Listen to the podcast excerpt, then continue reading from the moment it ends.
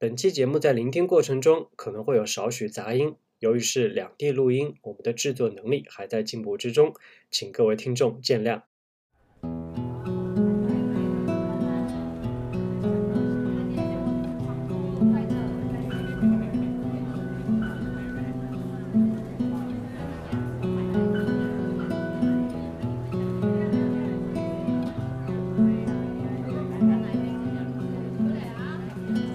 大家好，一座城，一群人，欢迎收听播客《来自台北的灵感》第二期的节目，我是 Robin。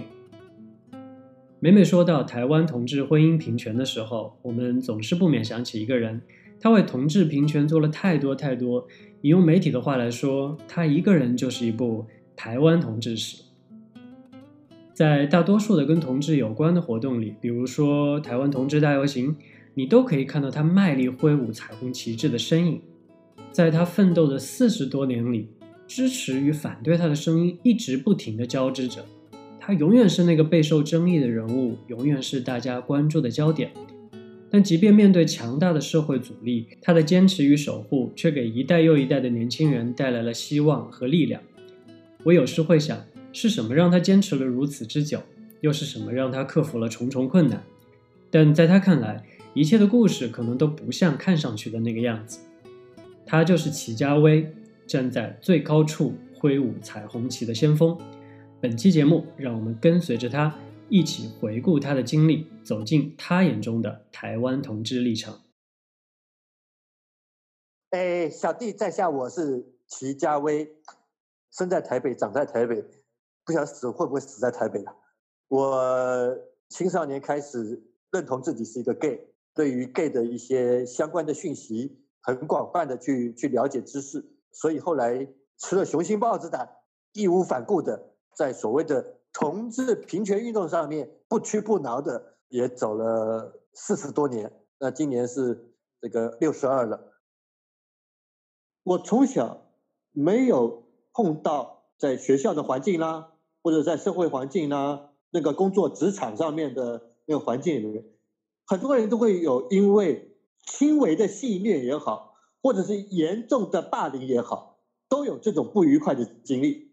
可惜我就是从小公开当兵，就是那个我们台湾以前是义务役两年，我周遭的环境都能够接受，就不觉得说同志是一个怪胎或者是一个不正常。他们觉得说，嗯，你不是同性恋才才是有问题。我就是一个很特别的人，那同性恋是一个特别的事情。那同性恋这个特别事情发生在我这个特别的人的身上，那是理所当然，所以我不会被被人家拒绝做朋友。我我我高中同学他们都是异性恋啊，我们出去玩的时候都是七对半，十五个人，他们七个带七个女朋友，然后我这个 gay 没还那时候我还没有接触那个社交环境嘛，十十六七岁才青少年嘛，他们女朋友也都知道我这个是是是同志，所以大家就觉得就是怎么讲，我们常讲平常心啊。就没有觉得跟一个一个变态、一个不正常的人，他没有这样想，他们就觉得说，哎，就是可以的，就是就是 OK 的。在高中开始出柜，一直到当兵出社会工作，后来我是有因为艾滋病的问题，就是 HIV，呃，八零年代的时候，我才决定到台北的那个所谓的社交环境，就是二二八。以前那个时候就是我们俗称叫公司，呃，晚上下班。到晚上的公司去上班，呃，白天的公司是是职业，晚上的公司指的是到二八公园去调人，去去找朋友，呃，所以那个时候我为了 AIDS 的问题，我开始去，这是一九呃八三年的九月十号，我为什么我记得那么清楚？因为那天刚好是农历中秋节，八月十五，所以一九八三年的九月十号，我第一天踏进公园。然后开始就是慢慢接触交往朋友啦，然后也开始就跟他们讲所谓的有关 AIDS 的一些一些正确的那个安全性行为的一些观念啦。啊，那那个时候我有跟他们讲说，同志啊，要提升社会的所谓的社会人格尊严，你必须要有一个技巧，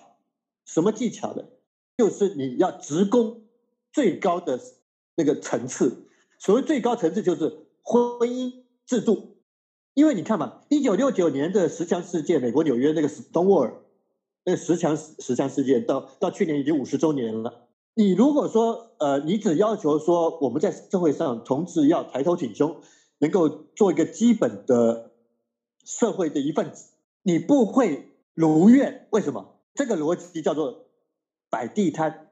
摆地摊的话，跟百货公司那个定价是不二价，是不一样的。你你出国旅游，你可以到很多，譬如像泰国去旅游，你就可以，它有那种那种观光市场，观光市场你一定要会杀价，砍砍价。呃，他说八百，你说三百，他说七百，你说四百，呃，到最后成交四百五，你懂吗？这就这就所谓摆地摊，那个又可以砍砍价钱、杀价。所以，你当你只争取像那时候欧美的同志运动，他们只争取就说我们要基本的社会的人格的尊严，所以他们做的很辛苦。那我是直接拉高到说，我们就是要神圣的婚姻制度。不是只有做基本的基本的人格尊严而已。那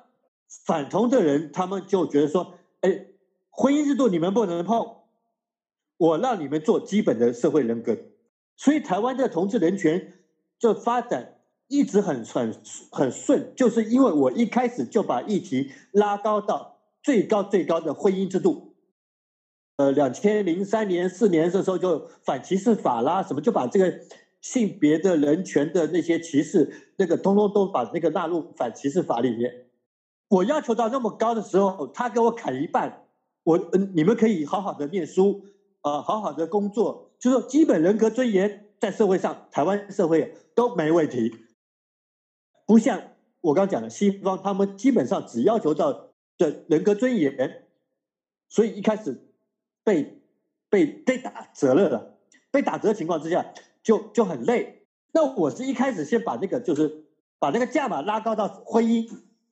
他们说你不要来碰这个这个异性恋的神圣这个这个婚姻殿堂，你们要要要基本人格尊严，OK 没问题。所以台湾来讲话，这个所谓天主教，他说我们对同性恋是尊重、理解、包容啊，同性恋要要工作没问题，要求学没问题，哎，就是所谓的基我刚讲社会人格的基本尊严，他他都他都接受的。二零一八年的公投，基本上要讲的正确是叫反同婚的公投，不是反同公投。台湾已经从九零年代就没有人反同了，同志是 OK 的。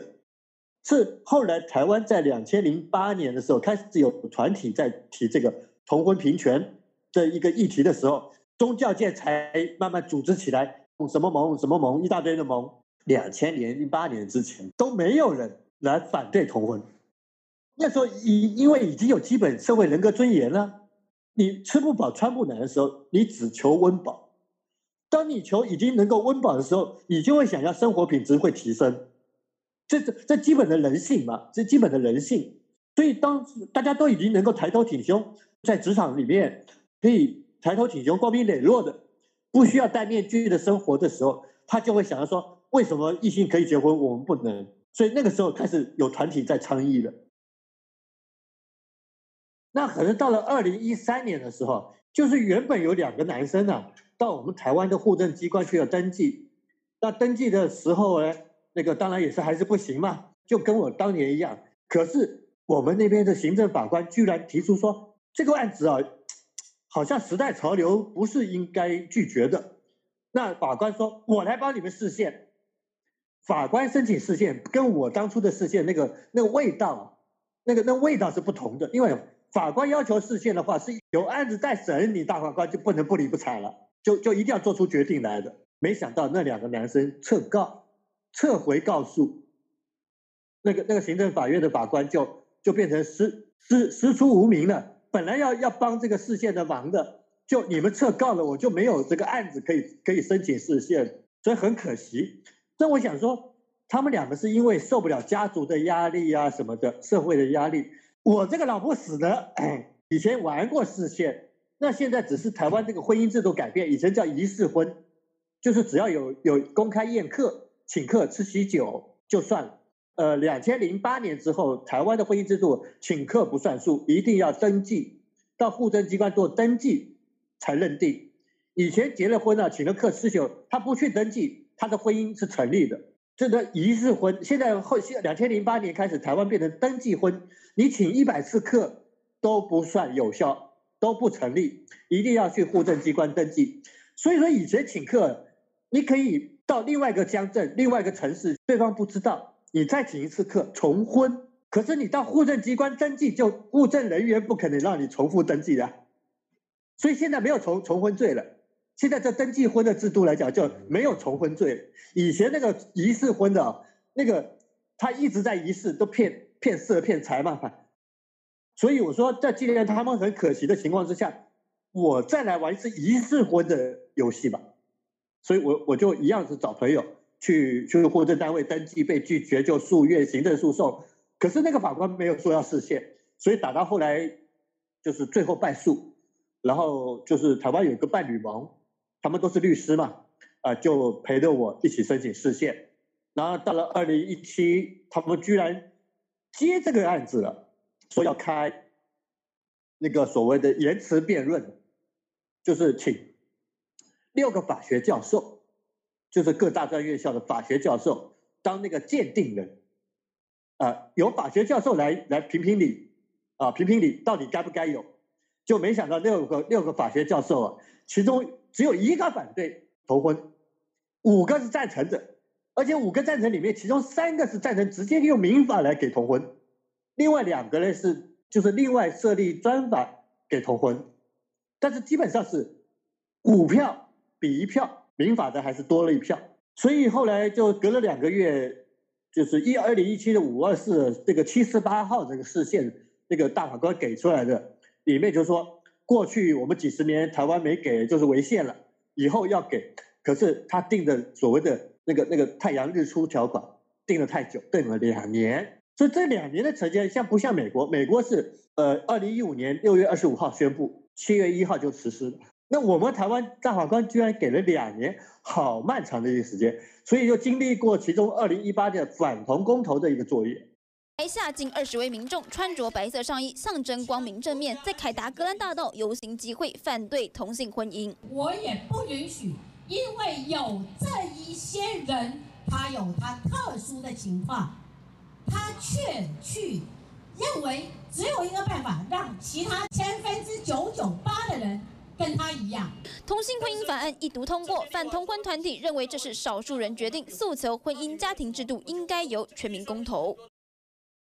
基本上视线是铁板一块。美国是当初二零零四年的时候，加州有一个第八号法案，跟台湾的反同公投提案一样，婚姻要限定一男一女，居然也公投通过了。后来美国最高法院的宪法法庭呢，把这个第八号法案废除，说这个这个法案是违宪的。那可是美国你要知道，它是公投在前，宪法在后。那一般人的概念就是后面推翻前面嘛，就像我们。呃呃，推翻满清政府，就前面的是被推翻。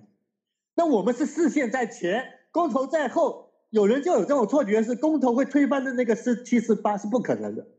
宪法可以破公投，公投不能破宪法。宪法是宪法是最高的，公投是在宪法之下的。所以因为时间的先后先后次序，有人就有这种错觉，说，哎，公投的反对会把那个推翻，七十八推翻是不可能的。所以那时候有很多人就觉得很失望、很挫折。事实上，他们不了解那个七十八是铁板一块，无论如何一定会有的。那到了去年二零一九年的五一七，台湾的立法机关呢就把一个一个所谓的专法给三读通过，然后五二四，也就是大法官说的两年到最后一天，如果没有这个专法，我们是直接用民法了。所以他们那个。反同方案是比我们还急，要要要把那个三读通过，只是说行政院的版本取巧，怎么讲说取巧呢？他把那个专法是名称是用专法的那个七十八施行法，可是里面所有的权利义务啊准用民法，那等于说我们台湾有两个民法，一个异性恋去用，一个同性恋去用，是这样子一个状况，所以所谓打官司啊是打了很多。但是视线也不过就是两千年跟二零一五年的两次，那只是后面这个是算是一个成功的一个一个状况。全世界啊，目前呃就是有连台湾有算二十八个国家地区了，其他二十七七个国家地区，因为像墨西哥也不是全国，墨西哥只是部分的州，因为墨西哥跟美国一样是联邦制，美国是联邦宪法是说全五十个州都要，可是墨西哥这个奇怪，它不是规定全墨西哥每个每个州都要，它是大部分的州给，所以墨西哥算是一个同婚合法的国家，但还是有少数的州没有做，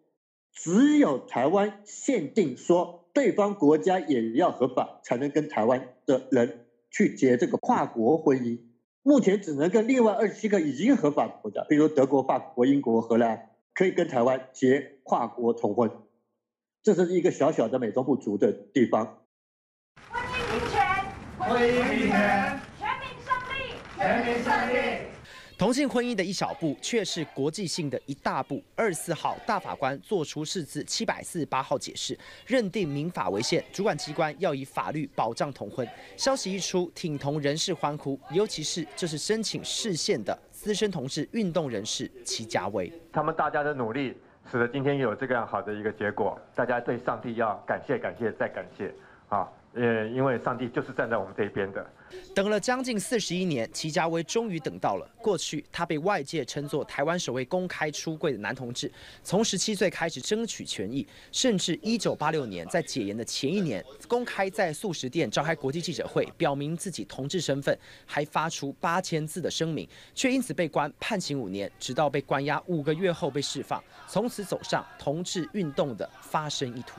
其实说到争取同事婚姻，当时一九八六年，齐家威就曾经到万华事务所带着伴侣登记结婚，但遭到驳回。但他不放弃，提起行政诉讼，败诉定验后，多次申请释宪失败，经过多次挫折，终于判到好结果。如今法官释宪后，正反意见两极，还有待社会沟通。但对齐家威来说，劳碌奔走四十一年，终于判到一个答案。东森新闻江宏伦、黄建祥台北报道。两千零三年台北开始办第一年的游行，然后从两千人一直到了去年已经是二十万人，成长了百百倍啊！两千零四年是第二年走的时候，到两千零一六年，我是被严格限制不准上台，就是不准我讲话，不准我公开。那个时候你看，已经从五千人、八千人、一万两千人、一万五千人、两万人、五万人、八万人，已经一直爬到十万人的规模的情况之下。我是被限制不准、严格禁止上台发言。为什么？就是我一直在维持我当初一九九六年玩的那一招，把不同的团体凝聚在一起。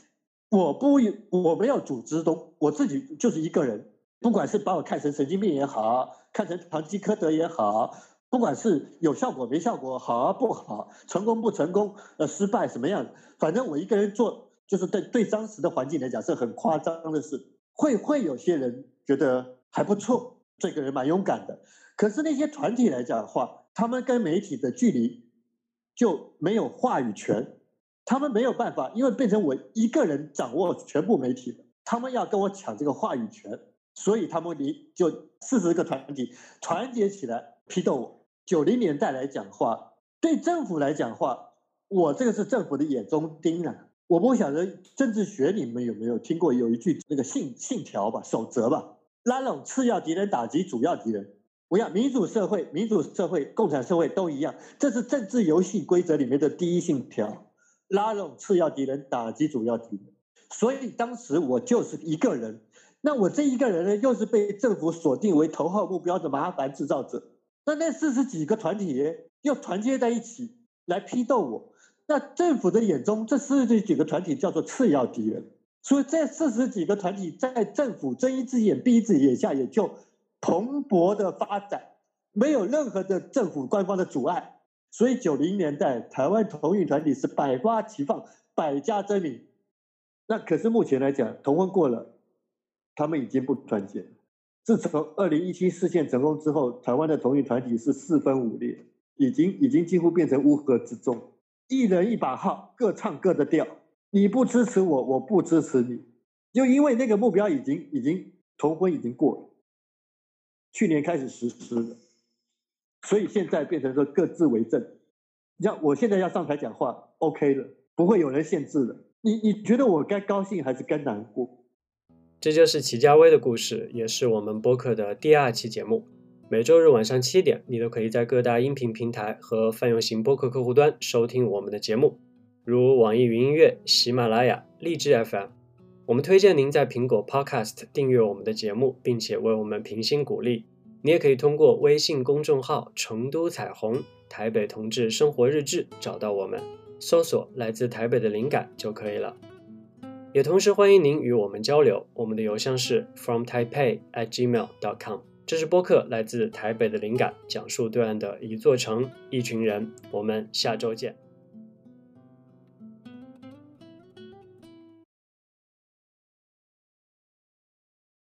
OK，大家好，我是 Robin。呃，我是 Matthew。啊，我们两个的话，其实之前不认识，之前可能我有在某一个朋友的朋友圈当中看到过马修，然后我曾经在杂志当中看到马修的故事，但是我不记得那个人是马修。但是我们一八年一起去台北去呃参加一个实习，在那个当中我们认识了对方。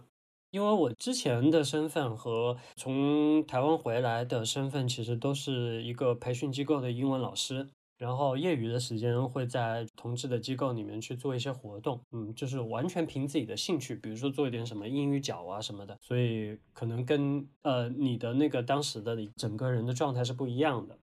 我当时去之前是在一个 NGO 工作，我从很长的一段时间就开始在做志愿者。然后一直到后面做全职，当然就顺理成章的去到了台北的同志热线去做这样的实习的工作。那你你为什么要做这个节目呀？做这个播客？我在台北其实认识了蛮多的人，通过各种机会，包括 Facebook 也好，或者是一些线下的活动。那我其实从他们的身上听到了蛮多很有趣的故事，不管是。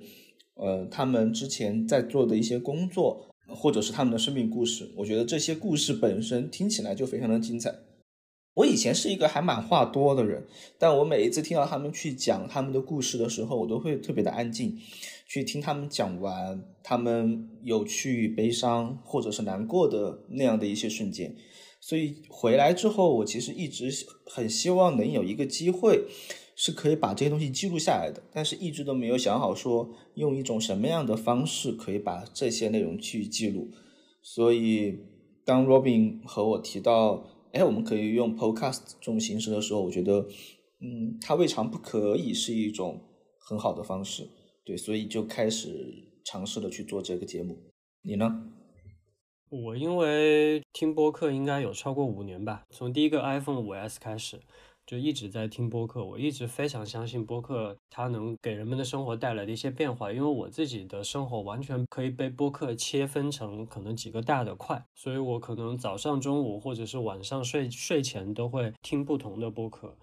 嗯，所以我我我是非常相信播客它能够给大家传递什么东西，因为播客又是一个非常个人化、个性化的东西，就是它叫独立电台嘛。那独立电台就是，那我想去讲什么样的故事，我可能就可以去讲什么样的故事。那我另外一个感觉就是，我想讲的故事可能很多都会跟马修是重合的，因为在台北我们是共同在经历这个东西，所以那伙伴就不需要考虑，肯定是需要找你，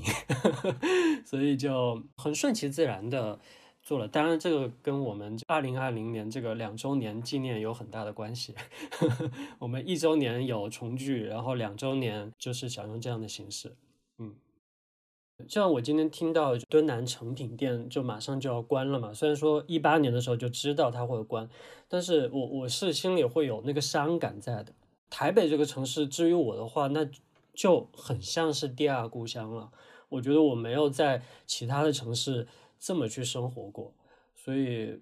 所以你说那个体验它会变，但是那个感动它变不了，它就一直在那里。对，所以这也是我们为什么会想。这个节目它其实不不只是单单是一个节目，它其实是我们共同记忆里面可以值得重新让我们去回顾那段记忆里面很重要的一个组成部分。我觉得用这样的形式，就是相当于我最心爱的形式去做一个纪念，我真的觉得这又是一个礼物。就是当然这个当中就是。还是蛮谢谢我们，就说实话，做这个节目最开始的一个想的就是说，嗯，要不要做同婚一周年，以这个为开启这个节目，也确实是我们之前的一个朋友提出来的。虽然说他就这么随口一说，但我觉得就是让所有所有之前我们心中的某一些想法就开始开启了一些东西，然后还挺好的，我觉得，而且用这种方式让我们两个人去合作去做一件事情，我也觉得挺好的。好，这就是为什么我们要去做这个播客节目。那从五月十七号晚上的七点开始，你都可以在各大音频平台和泛用型播客客户端收听我们的节目，如苹果 Podcast、网易云音乐、喜马拉雅 FM、荔枝 FM。你也可以通过微信公众号“成都彩虹”还有“台北同志生活日志”找到我们，搜索“来自台北的灵感”就可以了。也同时欢迎您与我们交流，我们的邮箱是 from taipei at gmail dot com。这是播客《来自台北的灵感》，讲述对岸的一座城、一群人。我们以后每周日晚七点见。